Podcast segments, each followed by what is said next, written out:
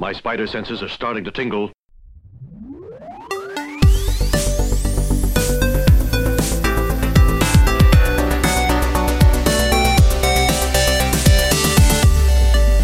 Halloj, hej, välkomna till Fulkultur nummer 11. Fulkultur, den folkbildande och sedelärande podden från Geeks Publishing. Välkommen Kalle Johansson Sundelius. Hej hej! Välkommen Jakob Nilsson. Hallå igen. Jag heter Joakim Brett och välkomna alla som lyssnar på det här avsnittet som jag vet att åtminstone ni två har sett fram emot väldigt, väldigt mycket. Ja. Ni har gått och, och liksom varit oroliga i korridoren här på Gigs Publishing för att vi aldrig kommer till skott riktigt. Men, men nu tog ju du, eh, Jakob, lite, nästan lite befälet över det här avsnittet och sa att jo, men nu händer det. Här, Ja. är, här är punkterna vi ska prata om. Jo, precis. Ja, men det är ju lite av ett hjärteämne för jag tror både mig och Kalle. Och vi pitchade det för ganska länge sedan och sen har det liksom inte hänt något. Så att jag var lite nervös alltså. Det kan bero på eh, kanske min egen osäkerhet lite grann inför dagens ämne som är Marvels universum. Som är så ofantligt stort och har ju påverkat så många människor över så många år. Ja, Men eh, ni leder mig igenom det här lite grann, sådär, känner jag. mm, Ja. vi kan väl försöka. Ja, väl, vi, jag vet inte om vi har bestämt det, men vi ska väl försöka fokusera mest på serietidningarna Mm. och albumen, inte så mycket på filmerna. Det är, är klokt eftersom det är, vi måste liksom ta avstamp någonstans, eller hur? Så att eh, vi, vi, vi kanske kommer snudda lite vi vid, göra. framåt slutet. eh, om inte annat för att bestämma vad vi ska prata om i kommande fulkultur. Mm. Eh, men, vi, men helt rätt, serie. Hur startade allt här? Hur startade, hette det Marvel Comics från början? Det, det hette inte Marvel Comics från början. Jag tror att det var 1939 så hette det Timely Comics, eller Timely Publications, när de började. Ett mycket, mycket sämre namn. Mycket spontant. sämre namn. Eh, och det var ju, jag vet inte om de gjorde andra grejer också, det tror jag. Men, men eh, 1938, alltså året innan, så kom ju Superman, eller Stålmannen, Mm. till världen. Och så exploderade hela amerikanska seriebranschen. Och DC, alla, alla skulle- DC Comics Stålman, hette Ja, det precis. DC Nej, Comics nej, då? det gjorde det inte. Det Det, hette något annat. Jag kommer inte ihåg vad. All Stars Comics tror jag, eller något sånt där. Men då skulle alla liksom göra superhjältar. Och även då Timely Comics Mm. gjorde. Eh, och då har vi till exempel sån här, eh, den första Human Torch dök upp där, inte den senare som var i Fantastiska Fyran. Mänskliga facklan. Den mänskliga facklan hette han på svenska. Jag tror det, jag för mig det. Det där med översättningar, det kan vi prata om sen, men det har väl gått i perioder lite grann. Ibland översätter man, ibland översätter man inte. Ja, det är lite precis. beroende på. Daredevil hette ju Våghalsen. Vilket är fantastiskt namn. jättebra namn. Eh, just det, men, men The Human Torch, han var en, en robot faktiskt med eldkrafter. Oj. Så vi hade honom och sen så fanns det Submariner som var, ja honom har vi sett senare som, som antihjälte eller skurk. Mhm. eh, undervattensmutant. Oj. Och så hade vi naturligtvis då Captain America som var, eh, han kom något år, jag tror det var 41 dök han upp. Precis, det var ju mitt under eh, brinnande världskrig och, Mm. och eh, USA behövde en, eh, en hjälte som kunde ägga trupperna Eh, till, exakt. till kamp. Ja, och precis. Captain America, han var väl över där och slogs då också Mm, mot tyskarna. första, första omslaget på Captain America så var det just att han slår Hitler på käften. Så här jättekänt eh, omslag. Och det, det numret sålde i nästan en miljon exemplar Åh direkt. så. herregud. Så att där ser vi en skillnad, till skillnad från liksom DC Comics då, som deras hjältar var liksom inte involverade i kriget. Och det var att fanns någon förklaring till det. Jag tror att Hitler hade något magiskt spjut som han hade hittat som kunde liksom hindra hjältarna från att komma över till Europa. Så det var liksom förklaringen till att de inte var med i kriget. Är- Eh, men Marvels hjältar var där och slogs mot nazister. Har inte det att göra med, det här är bara en uppfattning jag har fått, du får rätta mig om jag har fel, men är inte DC-universumet lite mer avskilt, lite mer parallellt än vad Marvel-universumet är, med andra namn på städer Ja men precis, de och har sådär. fiktiva städer, Marvels har alltid liksom riktiga städer, Precis. New York och sådär. Så det, absolut, och det Mm. kanske vi kommer in på lite senare, just det här skillnader mellan de här två universumen. Men Det, kanske det finns likheter och skillnader. Så Men- så var det. Vem var det som startade upp allt det? I, I mitt sinne så är det ju Stan Lee som jag också i mitt huvud är 200 år gammal nu. Att det var han som så att säga byggde allting från grunden. Hur, Mm. Ja. hur var det? Det, det är väl lite den bilden också han själv gärna vill ge Mm. så här i efterhand. Och visst har han varit väldigt betydelsefull, men han är inte den enda. Utan vi har till exempel Jack Kirby som var tecknare. Han ligger bakom, tror jag, Captain America. Mm. Eh, för det här var ju det som kallas liksom Golden Age of, of Comics. När de sålde jättemycket. Sen var det lite inte så populärt med superhjältar efter kriget, 50-talet och så. Mm. Och då bytte de namn till Atlas Comics. Och gav ut mycket liksom, skräckserier, westernserier, eh, humorserier, sådana grejer. Eh, men sen kom då, DC Comics gjorde liksom en, en comeback med sina superhjältar på eh, 60-talet. Då kallade vi det för Silver Age. Och då vaknade Marvel och då bytte de namn till Marvel Comics. Just Och tänkte bara shit, det här ska vi också. Men fortfarande med, med Stan Lee vid då rodret var skulle det man kunna väldigt säga. Mm. mycket Stan Lee som var förgrundsfiguren.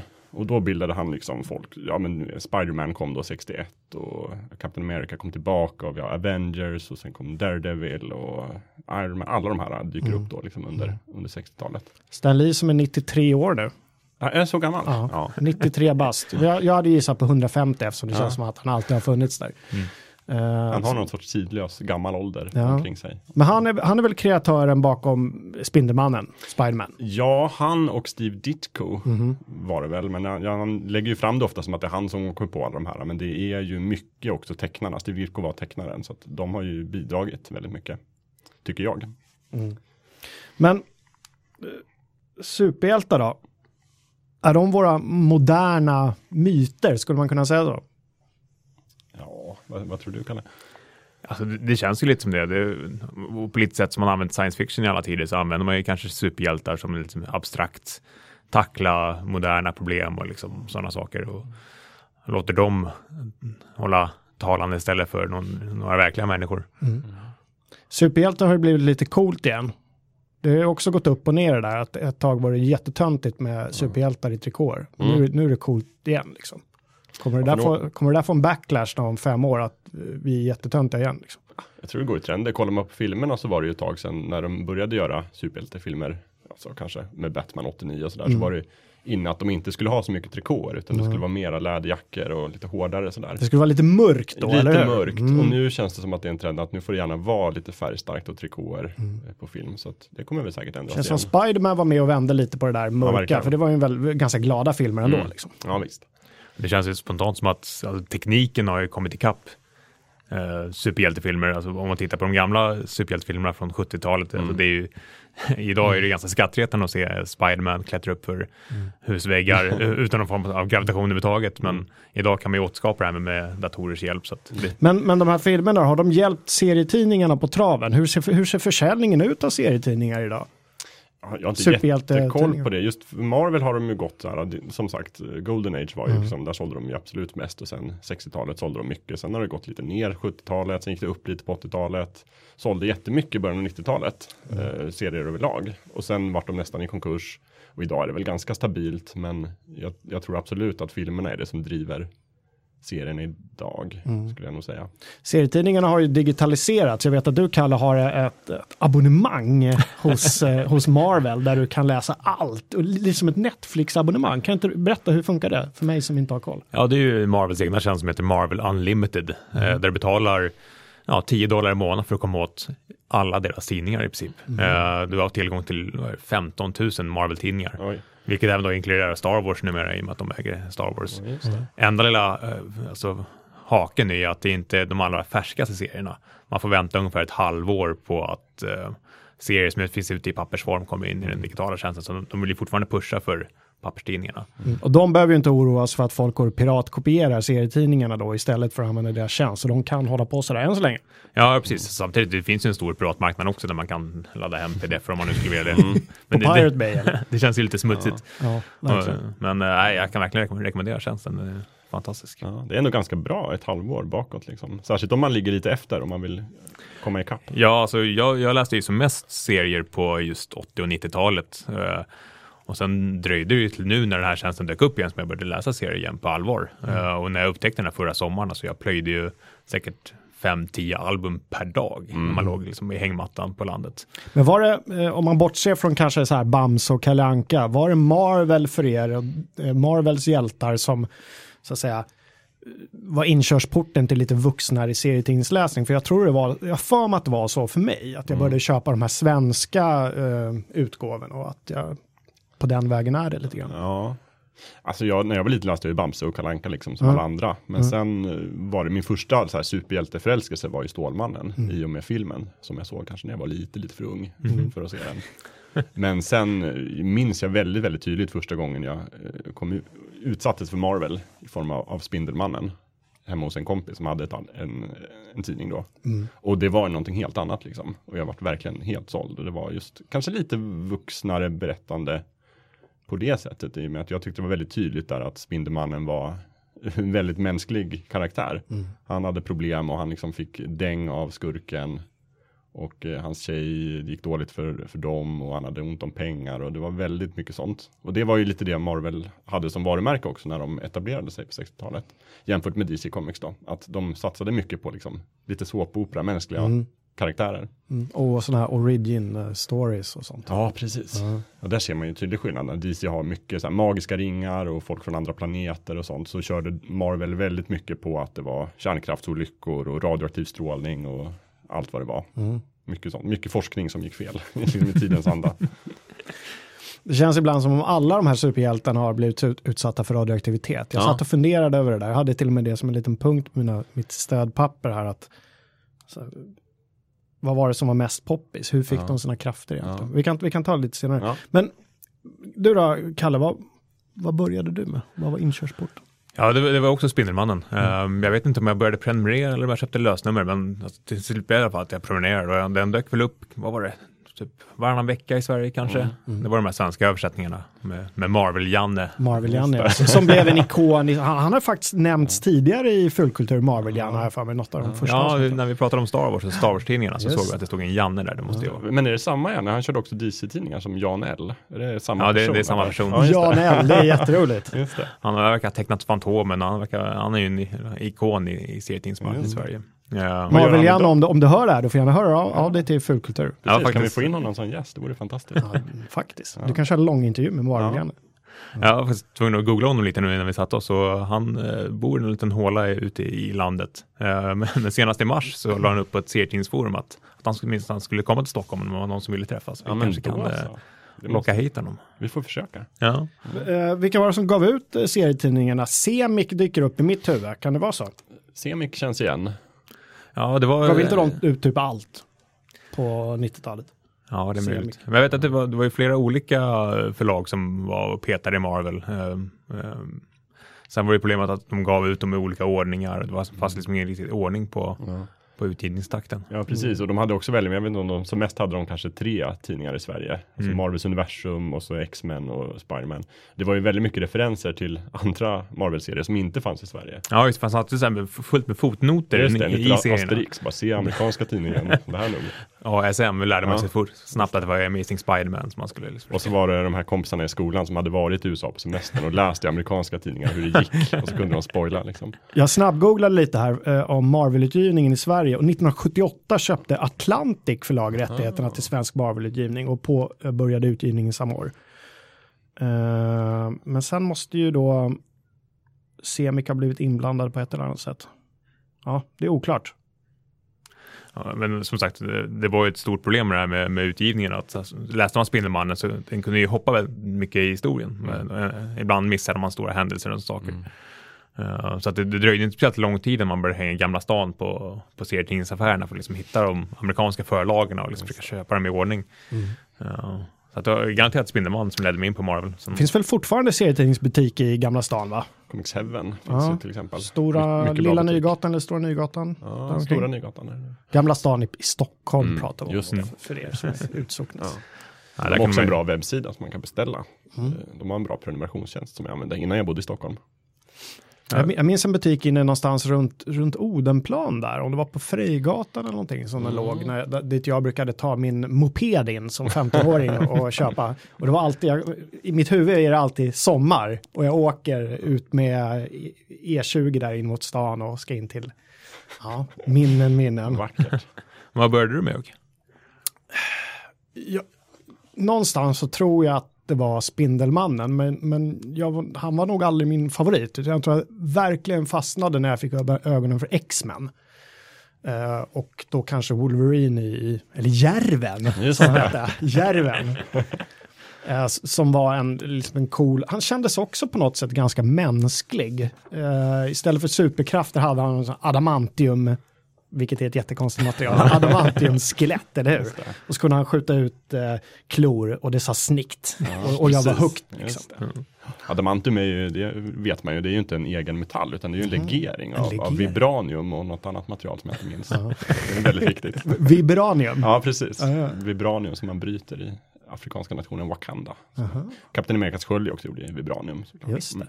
det. Eh, jag såg en YouTube-klipp igår, det var någon snubbe som hade uh, återskapat Captain Americas sköld eh, och testat hur, hur väl den stod mot kulor och det gjorde den. Vilken tur. Vi, vi, jag lovar att länka till den YouTube-film. Han har en väldigt fin dräkt på sig. Han såg ungefär ut som en tjockare Stan Lee och så hade han en så här Captain America-dräkt. Vi länkar till den. Vi länkar till allting vi pratar om här i Fullkultur. Det brukar ofta bli flera sidor med länkar så man kan liksom verkligen grotta ner sig och läsa mer.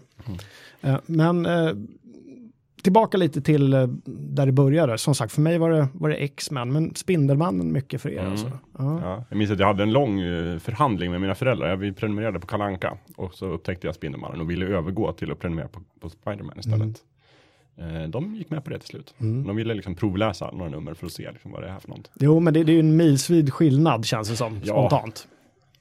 Samtidigt, Spindelmannen är ju en ganska snäll superhjälte. Även om man ger folk på däng så han, han är ju inte som Wolverine som skär upp dem i små bitar. Utan Nej. det var ju sällan några mord och, och sådana saker. Nej, X-Men var ju eh, bra, bra mycket blodigare. Var det något blod överhuvudtaget Spindelmannen från början? Lite granna var det ju så i alla fall. Och, Men det var mycket smockor.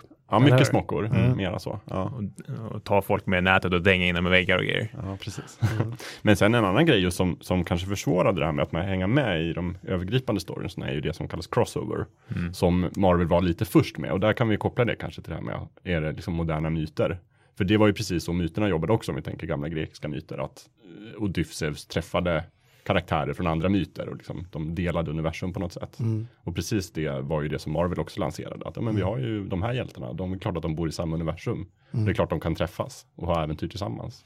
Jag läste någonting om det, eh, den här Jessica Jones som Ja. går som serie på är Netflix. Ja, det är? Netflix. Att hon var med när Spindelmannen fick sina krafter. Ja, precis. Det där är ju ett exempel på retcon. Alltså det var inte så från början. För. Jessica Jones är en ganska ny karaktär. Hon, Ja. hon dyker upp under 2000-talet och skapad liksom som- en ny karaktär. Och då i, i den serien så, så visar de att hörni, faktiskt så var det så att hon gick på samma skola som Spindelmannen och var liksom i närheten när han fick sina krafter. Måste vara extremt snårigt av att vara manusförfattare i Marvel och hålla reda på alla de här liksom.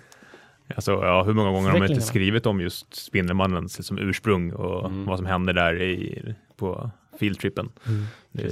Men eh, har ni några andra sådana här karaktärer som ni vill lyfta fram då? Skurkar Mm. också finns det ju en mängd av. Och de är oftast det ballare än hjältarna kan Ja. jag tycka. Vad har ni för favoriter?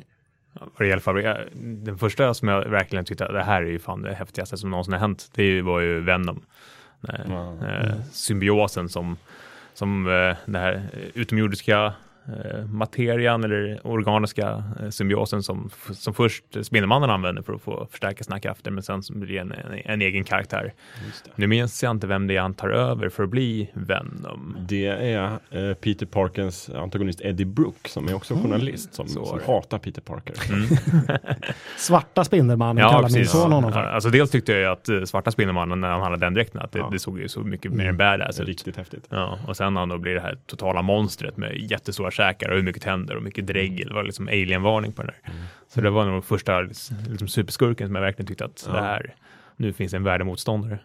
Ja, den var väldigt bra. Sen gick de lite bananas ska jag tänka med symbioterna. Det kom ju mycket andra, typ Carnage kom som var en annan symbiot och sen så Mm. kom det 150 olika symbioter. Men Venom är, är cool. Eh, jag gillar annars Gröna Trollet, det är min personliga favorit. Mm. Green Goblin. Green Goblin, alltså Norman. Osborn som är Spidermans riktiga ärke. Det är han som kan åka runt på någon hoverboard. Ja, precis. Han Mm. har en glidare med raketmotor som han flyger omkring på. Så är han galen och har en grön mask. och kastar pumpor. Precis. Så, och jag menar alltså den, den riktiga gamla gröna trollet Mm. då som har en mask. Inte, nu i nyare versioner så är det ju oftast att han tar liksom så här Frankenstein serum som han förvandlas till ett monster. Och Mm. Okej. sådär. Tycker jag inte är lika häftigt. Men... Finns, finns det inte ett gula trollet också? Jo, det gör det. Mm. Precis. Det, är nå- det dyker upp grejer i huvudet här när det var och ju en sån lång, när jag läste den som mest under 80-talet så var det ju ett långt pågående mysterium. Vem är gula trollet? Mhm. För då var ju gröna trollet död och sen så kom, kom det upp en ny skurk som var gula trollet. Det låter inte så skräckinjagande. Nej. Men på den tiden var det Ja. kanske coolt. Kastade pumpabomber och höll på. Tog inte hans son över det sen? Jo, så gjorde han sen också. så- Ja. Så, men innan dess var det en annan. Jag ska inte avslöja vem, men det Nej. var en annan som var. Alltså det, är ju- det är många historielinjer som är, blir väldigt snåriga efter ett tag. Ja, Det, man kan ju nästan förstå att de liksom valde här i, i var det förra året med som bara valde att bota om allting. Och Ja, precis. Jämna allting med marken och börja om från början. Mer eller mindre. De slog ihop, för det är också en sån här grej som man kör, att det finns parallella universum och sen när, ena, när det vanliga universumet blir för komplext så börjar man på ett nytt. Mm. Så att, och det var då jag började läsa serier igen. Jag hade ett uppehåll sen, men sen när de lanserade Ultimate Marvel runt 2000-talet så tänkte de, okej men nu gör vi en ny start, det här är ett helt nytt universum, samma karaktärer, lite samma stories, men vi börjar om på nytt liksom. Som jag tyckte var jättecoolt. Och nu har de... Och, och man köper det som, som eh, liksom gammalt fan som har hängt Ja. med länge. Men köper man de här nystarterna då? eller? Jag gjorde det. Jag tyckte Ja. det var, kändes fräscht. Liksom. Det är kul att läsa om Spindelmannen på nytt med liksom Mm. lite nya författare, lite nytt perspektiv och liksom. För det blir ju ofta så där, har man liksom hållit på i 40 år så man har sett det mesta och det är ganska mycket historia. Det är lite konstigt att Spindelmannen fortfarande håller, håller på. Alltså de har, gjort sju, över 700 nummer. Ja. det är ganska det, är väl, mycket. det är väl bra att man startar om. Sen så vart det, det tog ju typ 22 minuter innan Ultimate Marvel också vart väldigt komplext och det började så här motsäga sig själv och sådär. Så, att, så det var ju det de gjorde nu förra året och de slog ihop de här igen. Så nu finns det återigen bara ett serieuniversum. Apropå hjältar och, och skurkar, jag har alltid gillat de här antihjältarna. Jag var inne lite på Wolverine och han, han är väl inte världens, han är ju ganska hård liksom sådär och du vet mycket bagage och grejer. Men när jag var faktiskt inne och grävde i mina gömmor inför det här programmet så hittade jag väldigt många eh, ex av The Punisher Ja. som eh, måste då ha varit en favorit. Idag känns det som att jag inte skulle ta i Punisher med tång för han verkar väldigt så här töntig. Men då måste jag ha älskat hans, han är ju han är väldigt brutal. Han har ju inga som helst hämningar. Han är en, en psyksjuk galning egentligen. Hans eh, familj har mördats av skurkar och han ger sig ut och ska hämnas på alla och iklär sig en så här svart dräkt med stor dödskalle och hur mycket vapen som helst. Ehm, gjo- gjorde sen en filmtolkning av honom 1989 med Dolph, Dolph Lundgren där han inte hade dödskalledräkten vad jag minns. Mm. Mycket märkligt. Det var väl då när jag var inne att det var lite töntigt att ha märken på sig. Liksom. men där i Punisher fanns också en, en skurk som jag, som jag gillade som heter Jigsaw. Just det. Som är, jag vet inte om man översätter det till, ja det översattes aldrig då, men det är någon sorts pussel. För han var helt så här ärrad i hela ansiktet, så han såg ut som ett pussel. Men jag, jag funderar på det med Punisher, för jag har också alltså, ett svagt minne av att jag gillade Punisher väldigt mycket när jag läste Mm. eh, som mest på 90-talet. Alltså, var det inte väldigt, väldigt snygga omslag för just Punisher? Att han Mm. liksom var verkligen, verkligen macho och stod där med alla vapen och de så stora dödskallen. Mm. Men det var ju oftast det man fastnade för när man stod och bläddrade på Comic 7 eller på någon serieaffär. Liksom. Är det ett coolt omslag? Jo, Ja. det här köper vi. Mm. Punisse tror jag mina vänner kallar honom för. Punisse. Ja. Favoritskurk då? Jag, jag, Ja. Eh, jag ska bara säga, jag blev så besviken när det här omslaget inte matchade med hur det var tecknat inne Mm, i mm, albumet. eller hur? mycket snyggare omslaget. Sen så var det någon praktikant som hade tecknat insidan. Tråkigt. Ja.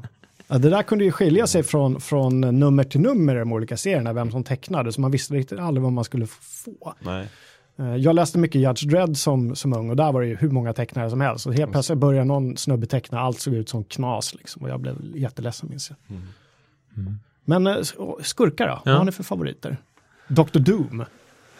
Alltså, de här lite, ä- Dr. Doom och Magneto, de, här, ja, de är lite tråkiga. De är lite ostiga. Ja, eller hur? och liksom lite för lugna. Alltså, de, här galningarna som, som Green Goblin och eh, de, de är ju mer underhållande. Det, det händer ju mer än att bara sväva omkring och flytta på metall. Ja, det är en svår balans det där. De får, måste ju vara liksom lite galna och tokiga och lite ostiga, men det får inte bli för mycket. Jag har en, en, en personlig favorit som inte absolut inte är den bästa, men Styltmannen tycker jag om. som är kanske den sämsta skurken någonsin. Han brukar fightas med Daredevil, men hans, han har en dräkt som gör att han kan fälla ut benen som att han går på styltor. Då kan han liksom stjäla juveler och sånt från tionde våningen och sånt där. Sen så, det roligaste är ett nummer när han får dänga av Daredevil och så, för Daredevil välter honom så att han inte ramlar ner i gatan. Och när han faller så finns det en sån härlig serieruta, då står det bara så att han inser liksom det här bara shit, det är inte så bra kraft där och långa ben. För mig känns det som att de bästa skurkarna är de som är lite greppbara, inte de här jag ska ta över hela världen skurkarna. Det fanns någon, alltså Marvels universum är ju rätt utspårat, men jag vill minnas att det fanns någon, jag minns inte om det var en skurk eller inte, men han var lika stor typ som hela universum och hette så här Galactus. Ja, just det. Eller någonting. Var han en skurk eller var han bara en entity? Han är sätt? mer en entity Ja. för att han är ju alltså han överlever ju genom att förtära världar. Och Mm. Eater äta upp of dem. Ja, worlds. precis. Så att det, han är inte ond egentligen, men han är ju ett stort problem. De fightas ju ofta mot honom. Ja, Ja, silversurfan, eller hur? Just det, det är hans herold, så att han Ah. kommer till världarna och berättar att nu är Galactus på väg, gör bättring. Sen måste man ju nämna Dr. Octavius också, Doc Ock. Mm, det. med Spindelmannens största nemesis. Mm, precis. med, det, med det snygga håret. Mm. Han har en sån här pottfrisyr, åtminstone i den tidiga serien. Ja, men han ser ju precis ut som eh, ett Elton John. Ja, just det. En krallig Elton John med massa såna här armar som sticker ut. Mm. Han bygger den där maskinen och sätter, det är någon så här, eller växer ut från hans kropp. Ja, den, han bygger den för att kunna göra liksom farliga experiment på håll, men sen så genom en såklart olycka så Mm. snett. mergar den med hans kropp så att han inte kan få loss den. Och så blir han ond. Och så blir han ond. För det är det enda, det är det vettiga sättet att reagera på en sån händelse. Vad har vi mer för skurkar? Det måste finnas hur många som helst. Vad vill ni lyfta fram? En otäck som jag tycker om är Bullseye, Mhm. som också Daredevil skurk. Eh, lönnmördare, galen, kastar saker på folk så att de dör. Kan göra vad som helst till ett vapen, säger han. Finns det några skurkar som har fått egna serietidningar? Venom är väl det, men om man är en skurk kanske man kan ifrågasätta. Men Nej, precis. Och nu har han ju, på senare år så har han till och med blivit en halvsnällis. ja, Med, det är ju, vad heter han? Eh, Agent, Agent Venom. Det har ju blivit en egen, en Oj. egen serie. Jaha. Eh, nu kanske jag spoilar någonting, men han tar ju över eh, eh, Vad är agentstyrkan? En shield? Ja, precis. Han blir Aha, anställd okej. av, av Shield i, i samband med eh, att han då eh, blir i symbios med en, en klassisk karaktär från, eh, eh, från tidigare som jag inte minns namnet på nu. Mm. Eh, men då får han bara ha den här symbiosen på sig i 48 timmar för sen börjar Aha. Venom liksom eh, ta över Ja, kroppen. Eh, Så att just nu är han snäll istället. Okej, vad fint. Ja, det känns som att alla nästan blir Agents of Shield ett tag. Ja, jag håller på och läser, um, eh, i och med att Civil War har premiär idag, så håller jag på och läser eh, Civil War Arken som är antingen då de här sju grundalbumarna eller över hundra album. Eh, men där flippar det ut att man börjar anställa skurkar för att plocka in de som inte vill registrera sig. så Ja, just det, precis. blir riktigt stökigt. ja. Smutsigt.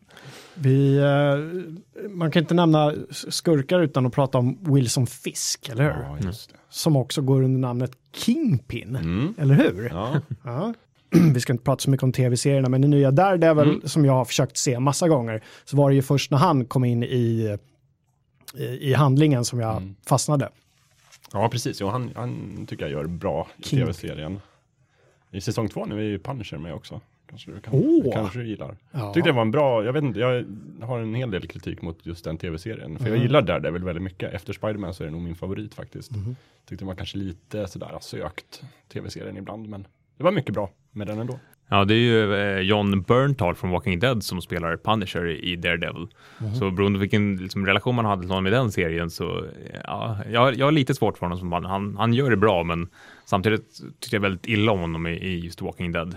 Det är, han, det är han som är eh, kolle- poliskollegan där som är Precis. totalt psyk, psykbryt. Mm.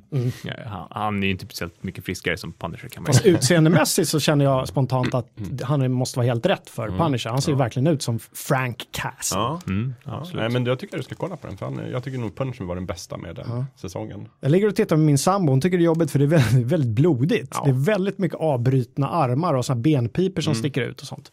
Sånt var inte så mycket i, ser- i serierna, det var mer rött. Ja. Så. Ja, precis. Just det. De verkar gilla det, att liksom, ljudeffekten av ett ben som krossas tycker de om i, i Daredevil-serien. Mm. Annars gillade jag Jessica Jones väldigt mycket, också just på grund av att det är alltid skurkarna som är mest intressanta. Mm. Där har vi ju, i serien heter han Purple Man, Mm. men Killgrave kallas han ju också då, Killgrave.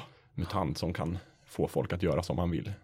Genom att säga, beordra dem saker, så han är lite otäck. Men eh, Jakob, du var inne och snuddade lite på det med de här eh, olika parallella universumen som finns i Marvel. Det är ganska snårigt det där. Hur, kan du försöka reda ut det för oss på något Oj, sätt? jag vet inte, ja, jag kan försöka. Du kan var- berätta lite om de olika alla fall som finns Mm. kanske. Egentligen var det så här, DC körde ju sin grej på under guldåldern och sen när de återupplivade det på 60-talet så var det helt nya karaktärer, alltså nya personer bakom maskerna. Och efter ett tag då så kom de på att nej, det som har hänt, det som hände på 30 och 40-talet, det var egentligen en annan värld. Så det var liksom Earth 2 kallade de den för. Och det som händer nu det är Earth 1. Så då lanserade de egentligen den här idén med att det finns parallella universum. Då kan vi berätta vilka historier som helst utan att behöva bekymra oss. För allt som hände som inte gäller längre, det var i en annan värld. Eh, Och det där fångade ju Marvel upp lite grann. De har generellt kört mer att ja, men allting är den vanliga Marvel-universumet. Sen finns det mycket parallella världar också där det händer saker. Men, men alla liksom, serietidningar egentligen utspelar sig i den vanliga världen. Sen var det just runt 2000-talet. De gjorde några försök där under 80-talet att nylansera sina karaktärer. Ehm, men det var väl just när de lanserade Ultimate Marvel som det verkligen tog fart. och Det tog, gick väldigt bra för dem. Då var det just det här, vi ska försöka uppdatera våra karaktärer. Det ska inte vara lika många nummer att hålla reda på. Det ska inte vara lika mycket gammal historik som man måste hålla koll på. Utan det här ska vara liksom för en ny generation egentligen. Um, och nu har de som sagt slagit ihop alltihopa igen. Så det finns, eh, det var en, tycker jag själv, en väldigt bra serie. En eh, författare som heter Jonathan Hickman som fick ansvaret för det. Som har kört den här serien, det är egentligen i två, tre år nästan han har hållit på. Berättat en lång, lång historia om hur de olika världarna i Marvels multiversum som det heter håller på att kollidera med varandra. Mm. Ehm, och för egentligen förinta hela skapelsen till slut. Eh, och det var väldigt intressant för just i Avengers då som är deras stora superhjälteteam. Så i hans berättelse då så fick ju de ställa sig inför det här eh, problemet. Vad gör man för att man kan förinta liksom andra världar för att förhindra att sin egen värld krockar med dem då och då dör alla. Så att hela den här eh, moraliska dilemmat, ska vi förhindra andra världar för att rädda vår egen? Är det hjältemodigt, är det inte?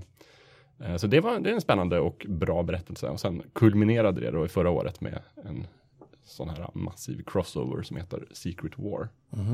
Eh, Som inte är samma Secret War som gick på 80-talet när, när Venom dyker upp. Eh, För då var ju hjältarna på en annan värld och slåss mot varandra. Men det här heter också Secret War. Och slutade då med att nu finns det en enda Marvel-värld igen i serierna. Apropå War, det kommer ju en film nu, en ny Captain America-film som heter Civil War, som ju är taget direkt från en ganska viktig händelse, eller hur? Har Ja. jag fått förklarat för mig, för jag har aldrig läst Civil War själv i Marvels universum. Hur anknyter man till det? Vad, vad handlar det Alltså, om? de, de har ju haft någon, någon sorts idé här på senare tid om att varje år egentligen så ska vi göra en stor crossover. När liksom Många olika tidningar är inblandade och det är, som det är stora events och alla slåss mot alla. De gillar att döpa dem till War och Secret och Civil och sådana saker. Eh, så att Civil War kom, var det, 2007 tror jag. Ja, precis. Och var, sålde väldigt bra. Det är kanske inte min egen favorit event, men det var, det var stort. Liksom. Det hände mycket i den. Och det är ju just nu, eh, som sagt, Captain America Civil War. Som är, den bygger mycket på den serien. Alltså, grundpremissen är ju att efter en stor olycka där många oskyldiga människor eh, dödas så, så vill man börja registrera superhjältar. Eh, man, folk ska inte kunna springa runt i, i liksom, gömda bakom masker. Eh, man vill ha större kontroll på vad det är för människor egentligen. Li- Låter lite som den här X-Men-grejen, att de så här där mut- mutanter, att vi måste registrera dem. Hur ska vi kan ta dem precis. där? Så, ja. Eh, och det, det startar ju en konflikt som, som slår en kil mellan som gamla vänner som till exempel just Captain America och Tony Stark. Tony Stark är för registreringen och tycker att det här, det här måste vi göra för att liksom komma vidare. Medan då Captain America och hans eh, polare eh, går underground och blir som en motståndsrörelse istället. Samtidigt som de försöker slåss mot superskurkar eh, och då blir jagade av Shield för att de ska arresteras eller registreras. Eh, Shield säger det finns ju en mängd olika sådana här grupperingar i Marvels universum. X-Men har vi nämnt, det är en, ett gäng. Och så de här onda mutanterna, vad heter det? Bro- Brotherhood of... eh, Brotherhood of Evil Mutants. ja, såklart att Det är de klart heter man det. kallar sig liksom. själva ja, onda. ja, det är klart. vad har vi mer för några? Vi har eh, Avengers, eller hur? Som Captain America, en del av. Vilka är det som ingår där i Avengers? De har ju bytt väldigt mycket mellan åren. Avengers bildades först på 60-talet tror jag. Då var det Iron Man och Hulken har vi inte nämnt. Han var ju med. Hulken. Eller The Hulk. Och eh, ja, vilka var det mer? Eh, det var ett gäng i alla fall. In, dåvarande liksom, kanske inte, inte de tuffaste namnen, inte Spider-Man och X-Men och sådär, men liksom de här, en samling andra hjältar. Och sen kom ju Captain America med där ganska snabbt. Och så har vi ju Fantastiska Fyran också. Ja, precis. Med, hette han Big Ben? Big Ben. Ja, Det där stenmonstret. just det. Den kanske tråkigaste grupperingen då. De, de känns lite träiga. Eller hur? Ja. Fantastiska Fyran. Fantastiska de var ju, det var ju mycket, de kom ju liksom bland de första där på 60-talet och utmanade mycket av de här idéerna. Typ de hade inga hemliga identiteter till exempel och det var en familj. Så att man fick följa liksom det här, de var liksom småaktiga mot varandra och osams på. Det var kul. Sen beror det mycket på vem som skriver. Jag tycker om det är roligast när det är ganska mycket science fiction. De åker ut i andra världar, utforskar parallella dimensioner och, och pratar så här teknospråk. Det tycker jag är roligt. Mumbo jumbo. Ja, mumbo jumbo. Vad har du för favoritgruppering, Kalle? Det, det blir nog X-Men just för att Wolverine också är en gammal favorit hos mig. Uh, så, men sen där, där har det också varit väldigt, väldigt liksom, flytande vilka som är med i X-Men. Mm. Uh, Xavier är också en, en favorit, även om han är ganska tråkig och träig och borde egentligen kunna fixa allting genom att bara styra det med hjärnan. Men de hittar ju alltid på någon anledning till varför han inte kan fixa allting med, med hjärnan. Mm. Uh, men just X-Men är en, en favorit. Och, ja, Fantastiska fyran är nog den, den minst favoriserade. Jag är benägen att hålla med. Eh, om, man ska, om man inte är Marvel-läsare eller serietidningsläsare alls för den delen då, och blir liksom kanske lite sugen nu efter vi har pratat om var ska man börja? Ska man bara gå och köpa ett aktuellt nummer och bara kasta sig in? Eller ska man gå bakåt i tiden och börja? Alltså, man, alltså det är ju lite märkligt också, man behöver gå 40 år, det går ju aldrig att läsa i kapp heller. Jag tror att det är ganska många som står inför det här nu eftersom att filmerna har blivit så populära. Och det är nog många som har fått upp ögonen för de här eh, figurerna. Eh, Jag tycker nog det bästa man kan göra är att göra som Kalle och skaffa det här, eh, vad heter den, Marvel Unlimited. Unlimited, ja precis. Och, och det, den appen gör väldigt bra. Förutom att du har då, kan liksom söka fritt efter alla 15 000 nummer som har getts ut, så, så har de du, du kan dels eh, leta efter hela serier. Eh, om du till exempel vill läsa Amazing Spider-Man kan du få upp alla nummer där. Men sen har de även just eh, Comic Events där du kan få fram, vill, jag läsa Civil War nu inför Civil War-lanseringen så, så får jag alla dryga hundra tidningar som, som berörs av Civil War. Vill jag läsa Secret War så kan jag göra det. Eller eh, alla de här större händelserna i, i Marvel-universet. Så att det är väldigt lätt att få sån här liksom, eh, läslista. Det blir inte det här klassiska då, att man inte ser skogen för alla träd som i Netflix eller Steam eh, när det gäller spel, att det bara blir för överväldigande. Och liksom, det jag är inne på lite grann, någon sorts bra inkörsport så här. Var, alltså, vi har ju alla våra favoritkaraktärer förstås, men vet inte, vad, finns det, ges det ut svenska översättningar idag? Eh, det finns väl fortfarande en Spindelmannen-tidning i alla fall. Ja, jag är lite osäker. Vi låter det vara osagt. Ja. Men jag tror att de är ganska bra i det här uh, Ultimate, uh, vad säger jag? Marvel Unlimited heter Marvel det. Unlimited, Att, att ja. göra liksom startlistor och så här, kom Mm. igång, läs de här uh, och så där. Annars så tycker jag nog att det är en ganska bra startpunkt om man vill läsa. Det beror lite på karaktär, men vill man läsa Spindelmannen till exempel så tycker jag man kan börja med den här Ultimate Spider-Man. Som är lite av en så här återberättande, Mm. men väldigt bra och höll på väldigt länge. De, uh, apropå det här med att de byter tecknare hela tiden, så var det, slog ett nytt rekord. Brian Michael Bendis heter han som har gjort den. Och han hade samma tecknare med sig i, jag vet inte hur många nummer, jättemånga i alla fall. Så att de slog liksom det tidigare rekordet som var Stan Lee och eh, Jack Kirby. För liksom, längsta run på en serietidning. Sen eh, finns ju alltid internet för den som vill så att säga läsa på om bakgrundshistorier och sådär innan man kastar sig in. Det fanns ju inte riktigt när, när vi började. Jag minns att jag beställde sådana här, jag försökte googla och komma på vad de här böckerna hette, men det var tjocka kompendium med sådana här, med, med alla superhjältar samlade. Jag tror det fanns så här 10-20 stycken, jag kanske köpte fem eller någonting. Där liksom varje hjälte förklarades. Just det. Man kunde prenumerera på dem också tror jag. Ja, jag var vet, jag minns inte, alltså. Samla dem i alla fall. Jag har inte hittat dem i mina gömmor i alla fall. Jag måste snoka vidare. Nej, jag, jag tycker det är lite svårt att gå tillbaka för långt i tiden, ja, men till 60-70-talet, för att de, alltså, de är inte så snygga de tidningarna. De, de är inte så snygga och det är en helt annan ton också. Ja. Det är mera liksom mycket så här, pr- tankebubblor var ju någonting man körde mycket på. Då. Mycket Mm. inre monolog där de tänker liksom, ah, hur ska jag göra det här? Vilken tur att jag har superkrafter. Jag minns, jag började läsa Spiderman igen när han, hette han Todd McFarlane, var det han som tecknade Spiderman? Det var någon sorts nystart där. Och det var en väldigt annorlunda eh, stil han hade. Jag vet inte om han var först med den stilen, men det kändes som efter det så såg väldigt många Ja. serietidningar ut som hans teckningar. Precis, det där var lite under 90-talet där. när Ja. Det var någon sorts nystart för serier. Men då var det just där mycket, ett ungt garde som hade börjat lansera sin egna tidning. Då var det en mycket specifik tecknarstil som gällde. Mm. Och Todd McFarlane var väl den som var liksom superkändisen där. Jag vet inte om det var stor- före eller efter han gjorde Spawn. Men, men han var, det var i alla fall verk, riktigt, verkligen en superkändis som kom och tecknade Spindelmannen. Mm.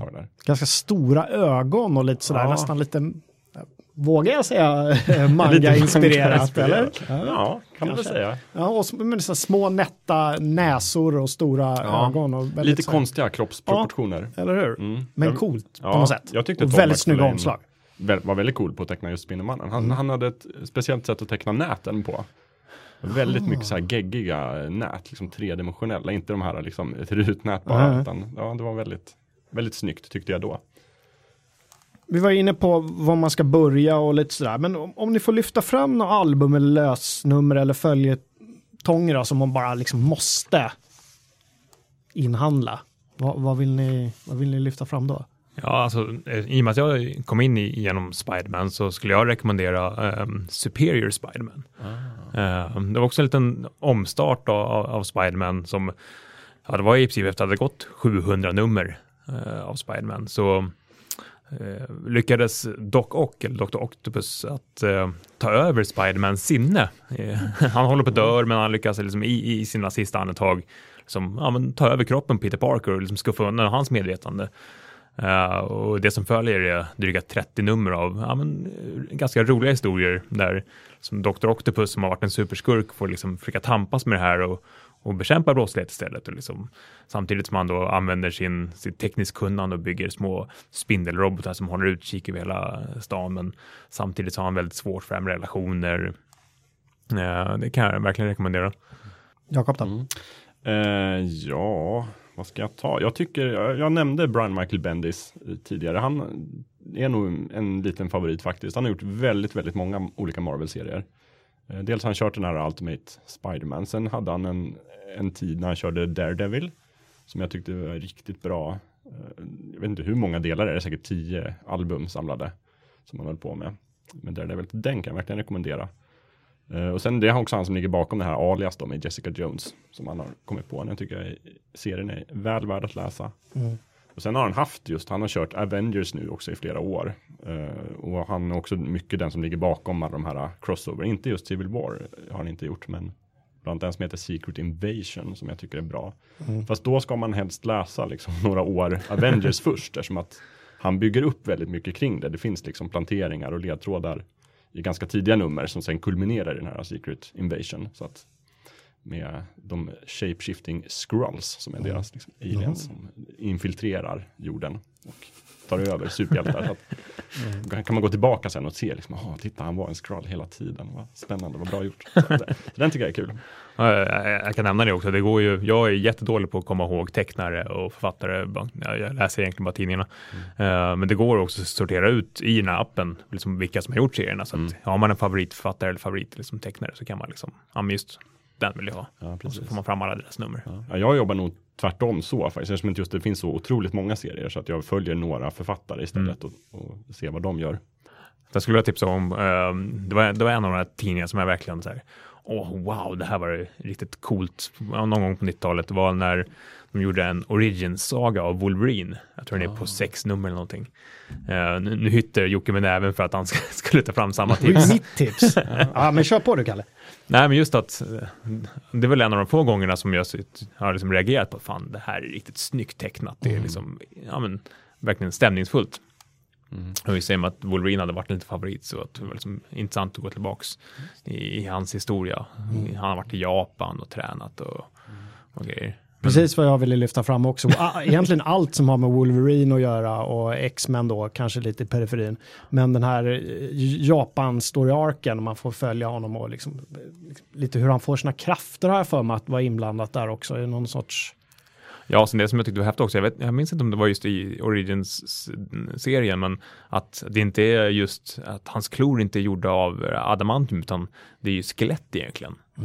Och det är, det är Fast per- hans, hans skelett är väl av adamantium? Nej, utan han har fått adamantium på skelettet. Det är det som är det här Weapon X-programmet. Precis. Just, Just eftersom att Wolverine har en, en läkefaktor som det heter. Så kan de faktiskt slita ut skelettet och, och täcka det med adamantium och sen stoppa tillbaka det utan att han dör. Det är jättebra. Sen Ja, måste de det var såklart någon- hjärntvätta honom efteråt. Det var någon operationsscen där han Ja. gjorde det där som var gruesome, minns det. Men sen, sen är det ju en period där, som sagt, jag minns inte om det var just i den serien, men där han inte har eh, adamantiumskelettet längre. Just Där han bara springer runt med sina benklor som kommer ut.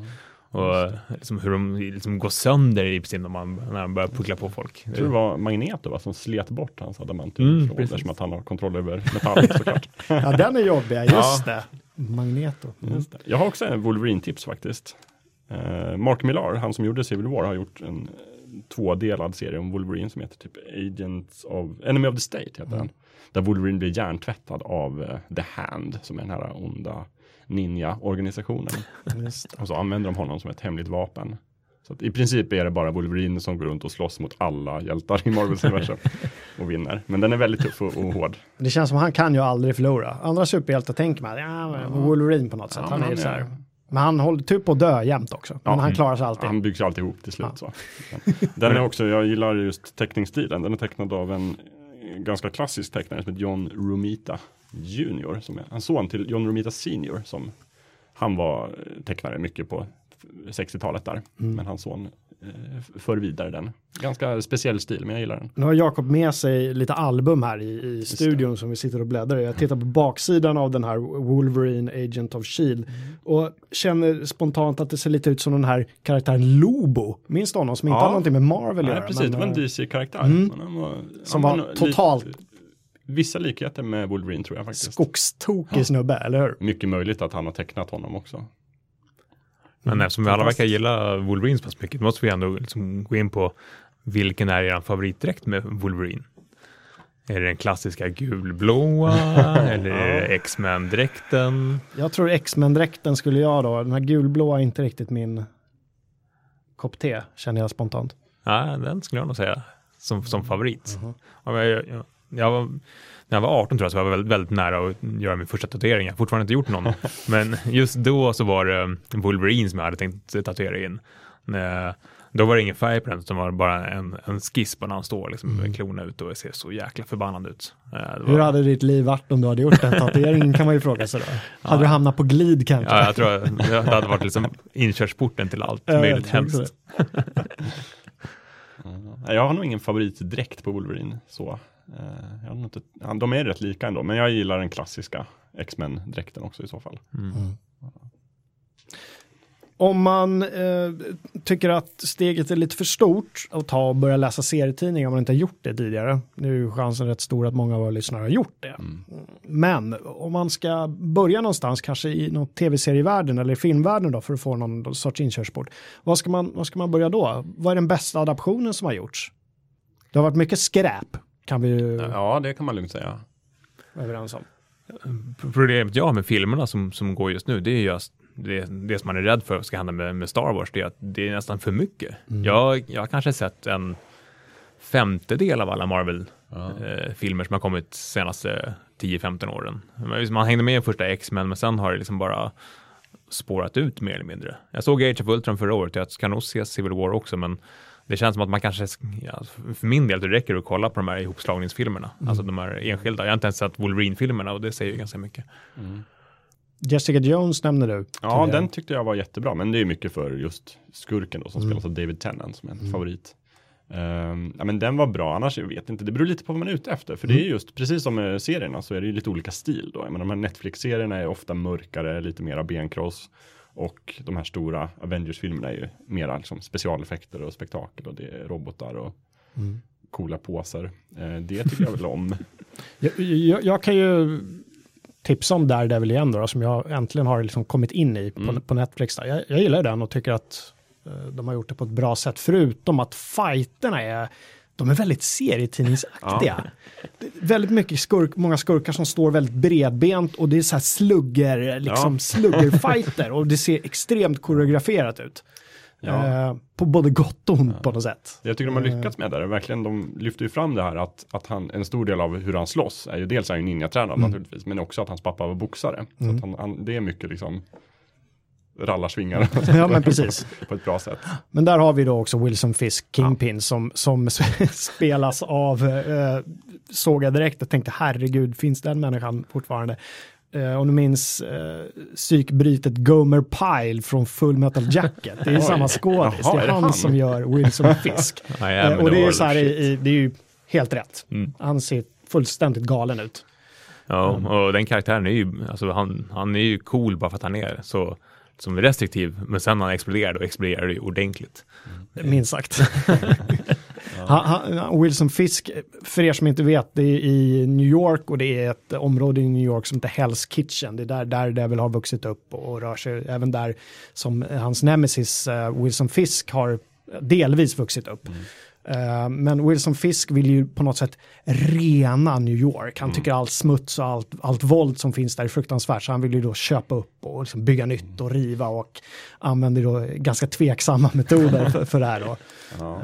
Um, i serien så var det, det är lite sådär, i, i, nu liksom 2016, så i serien under 80-talet på Daredevil så var ju Hell's Kitchen verkligen ett ruffigt område. Mm, mm. Men idag är det ju inte det. Då är det ju väldigt liksom Gentrifierat. Ja, verkligen. Mm. Så att de har ju löst det lite så här halvsnyggt i serien, mm. att de refererar till den här Avengers-filmen när aliens kom och liksom sprängde nästan en stor del av New York. Mm. Att det hela den här liksom, återuppbyggnaden har dragit till sig en massa skurkar och kriminella. Ah, det, har, det har jag helt missat. Ja, de, de säger senare. i förbigående ah, typ första okay. avsnittet bara, liksom The Invasion.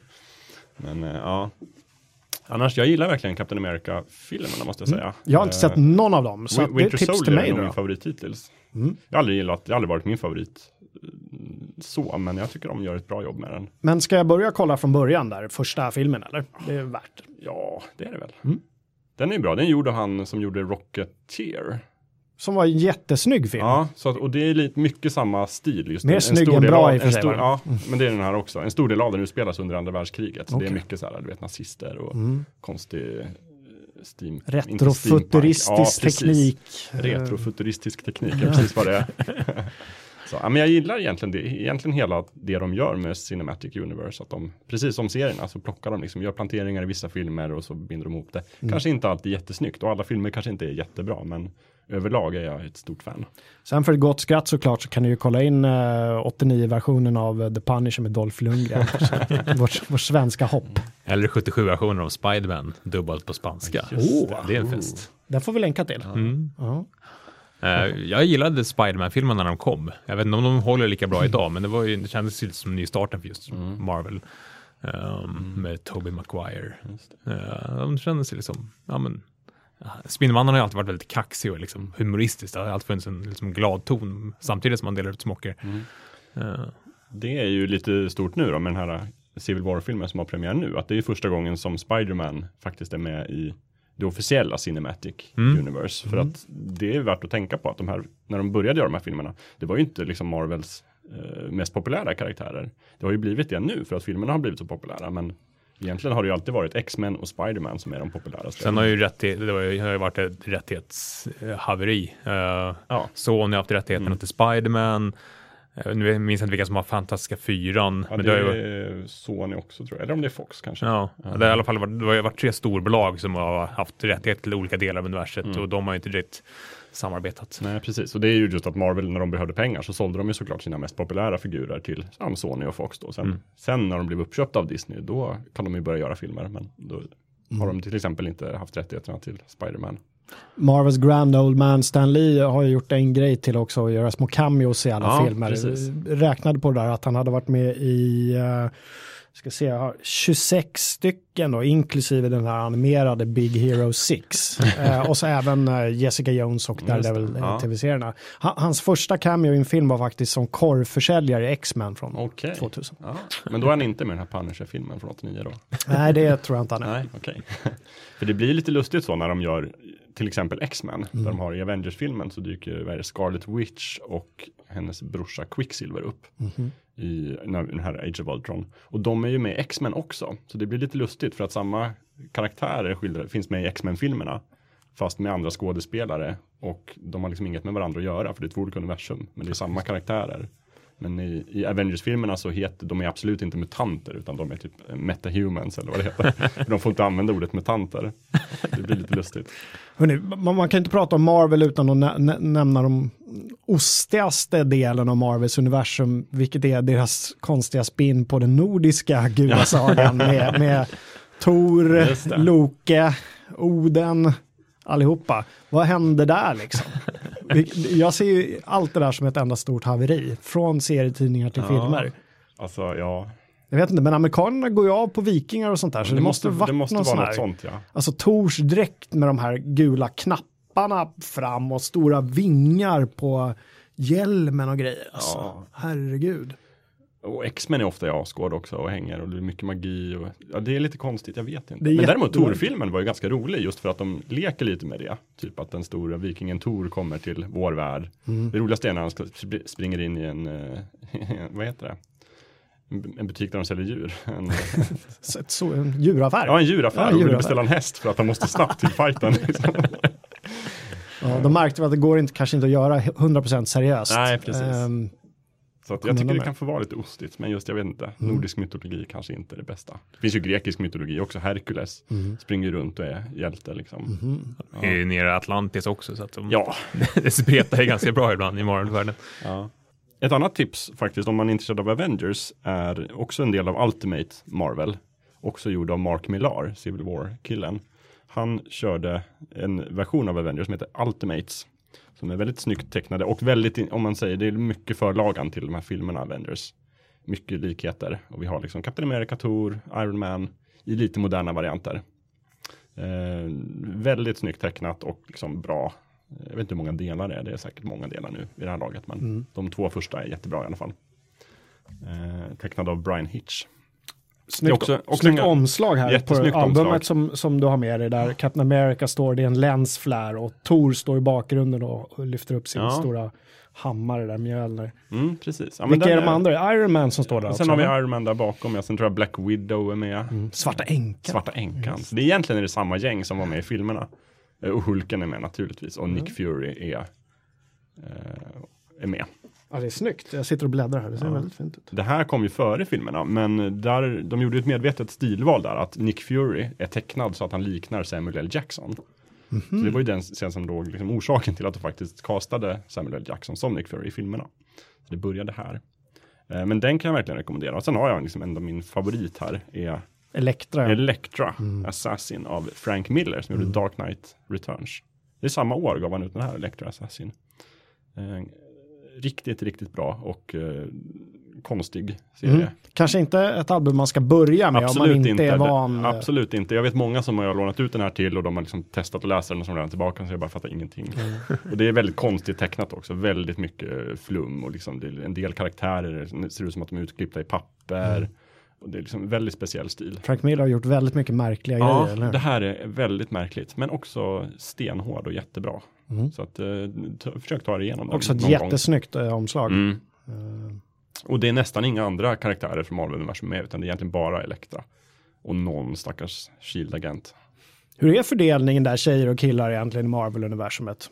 Har inte det alltid varit ganska, liksom, inte 50-50 men ändå? Det har alltid funnits en del eh, kvinnliga hjältar, Wasp och Black Widow kan vi väl lyfta fram. X-Men är ju fullt Ja, av ja, verkligen. Mm. tjejer. Mm, ja, precis. Jo, det finns nog ganska många. Men det kanske tog ett tag innan de fick egna eh, tidningar. Ja, det tror jag. Det är nog ganska få. Black Widow tror jag är en av de få som faktiskt har haft en egen tidning under en längre tid. Men... Hörrni, det börjar dra ihop sig. Eh, Vi, skulle ju kunna mala på i evigheter om det här, men, eh, någonstans måste man, måste man klippa också. Men innan vi slutar, vad, det finns ju mängder av konkurrerande serietidningsuniversum och eh, liksom, utgivningsserier. Vad har, ni, vad har ni för eh, favoriter som ni vill lyfta fram? Jag har inte läst så mycket serier från andra, eh, från DC, men jag har alltid gillat Batman. Han är ju en ganska cool kille. Eh, speciellt de gamla Tim Burton-filmerna. Det är, Mm. det är favoriter, med Jack Nicholson som Joker. Eh, men just serietidningar får jag nog lämna över frågan till Jakob kanske. Eh, ja, jag vet inte. Alltså jag har ju alltid, jag gillar ju DC Comics, också Batman, Superman, allt det här. Men jag kommer på det nu när jag gick igenom häromdagen, vad liksom allt jag har och vad jag har läst och vad jag tycker om. Så för DC är det nästan alltid så här specialnummer. Det är inte de liksom följetongarna, utan det är liksom Dark Knight Returns och liksom begränsade serier om de här hjältarna. Jag har aldrig riktigt fastnat för deras liksom pågående berättelser på samma sätt som jag gjort med Marvel, där jag liksom följt en berättelse. Och det tycker jag nog att Marvel är skickligare på, att de de gör de här planteringarna och man, liksom, man, lär, man lär känna en karaktär och när saker händer så kan man förhålla sig till det på ett mycket bättre sätt. Alltså när Spindelmannen slåss mot en övermäktig fiende så känner man med honom därför att det är en karaktär jag har lärt känna och liksom jag, jag har hela historien. Och det är, liksom, det är både den stora fördelen och kanske utmaningen då att komma in som ny läsare. Att man ska helst läsa väldigt mycket för att liksom komma in i det. Eh, där är ju DC kanske mera tidlösa karaktärer på det sättet. Att, Mm. Vid, vid sidan av Marvel så hade jag alltid 2000 AD då som, som favorit och Judge Dredd i, Ja. i, i synnerhet som jag har. Jag tror att om jag skulle räkna den sammantagna sidan hemma så är det nog Judge Dredd som överlägset det. Jag skulle kunna hålla tre avsnitt om Judge Dredd. Det gäller bara att hitta någon här på Gigs Publishing som har samma nörderi av någon som jag har. Men- det tror jag blir svårt. Mm, jag tror också det faktiskt. Men jag, det skulle vara kul att sitta med och lyssna. Mm, Så. jag kan hålla en monolog om Judge Dredd. Det är en utmaning i sig. Mm. Men bra. Vad, jag tycker det var jättespännande att lyssna på er och era, era tips och era, era minnen. Får man Ja, nämna en det sista tips bara Det för att få med det på Det länklistan? är klart du får. Alan Moore, Ja. är ju, han har gjort Watchmen och allt möjligt. Han har inte gjort så mycket Marvel-serier. Men han har gjort en eh, album om Captain Britain som Mhm. jag tycker är jätte, jättebra. Captain Britain är en engelsk superhjälte, om det inte hörs. Captain America på engelska, Ja, eller? precis. Fast också mycket mera kopplat till magi och sådär. Det är Merlin som skapar honom liksom. Och det är mycket så här, eh, brittisk mytologi inblandat i det. Eh, och Alan Moore gör som han gör och liksom snurrar ut på parallella världar och, och jättekonstigt. Men eh, ett bra album. Det ska jag kolla upp. Ja, det tycker jag. Snyggt tecknat av Alan Davis. Bra, men med de orden från Jakob Nilsson så håller vi och tack Kalle Johansson Sundelius för att Tack du kom själv. hit idag. Och tack alla ni som lyssnar. Vi hörs igen om två veckor. Vad vi pratar om då, det vet vi inte än. Det blir en överraskning. Hej då! Hej då! Hej då.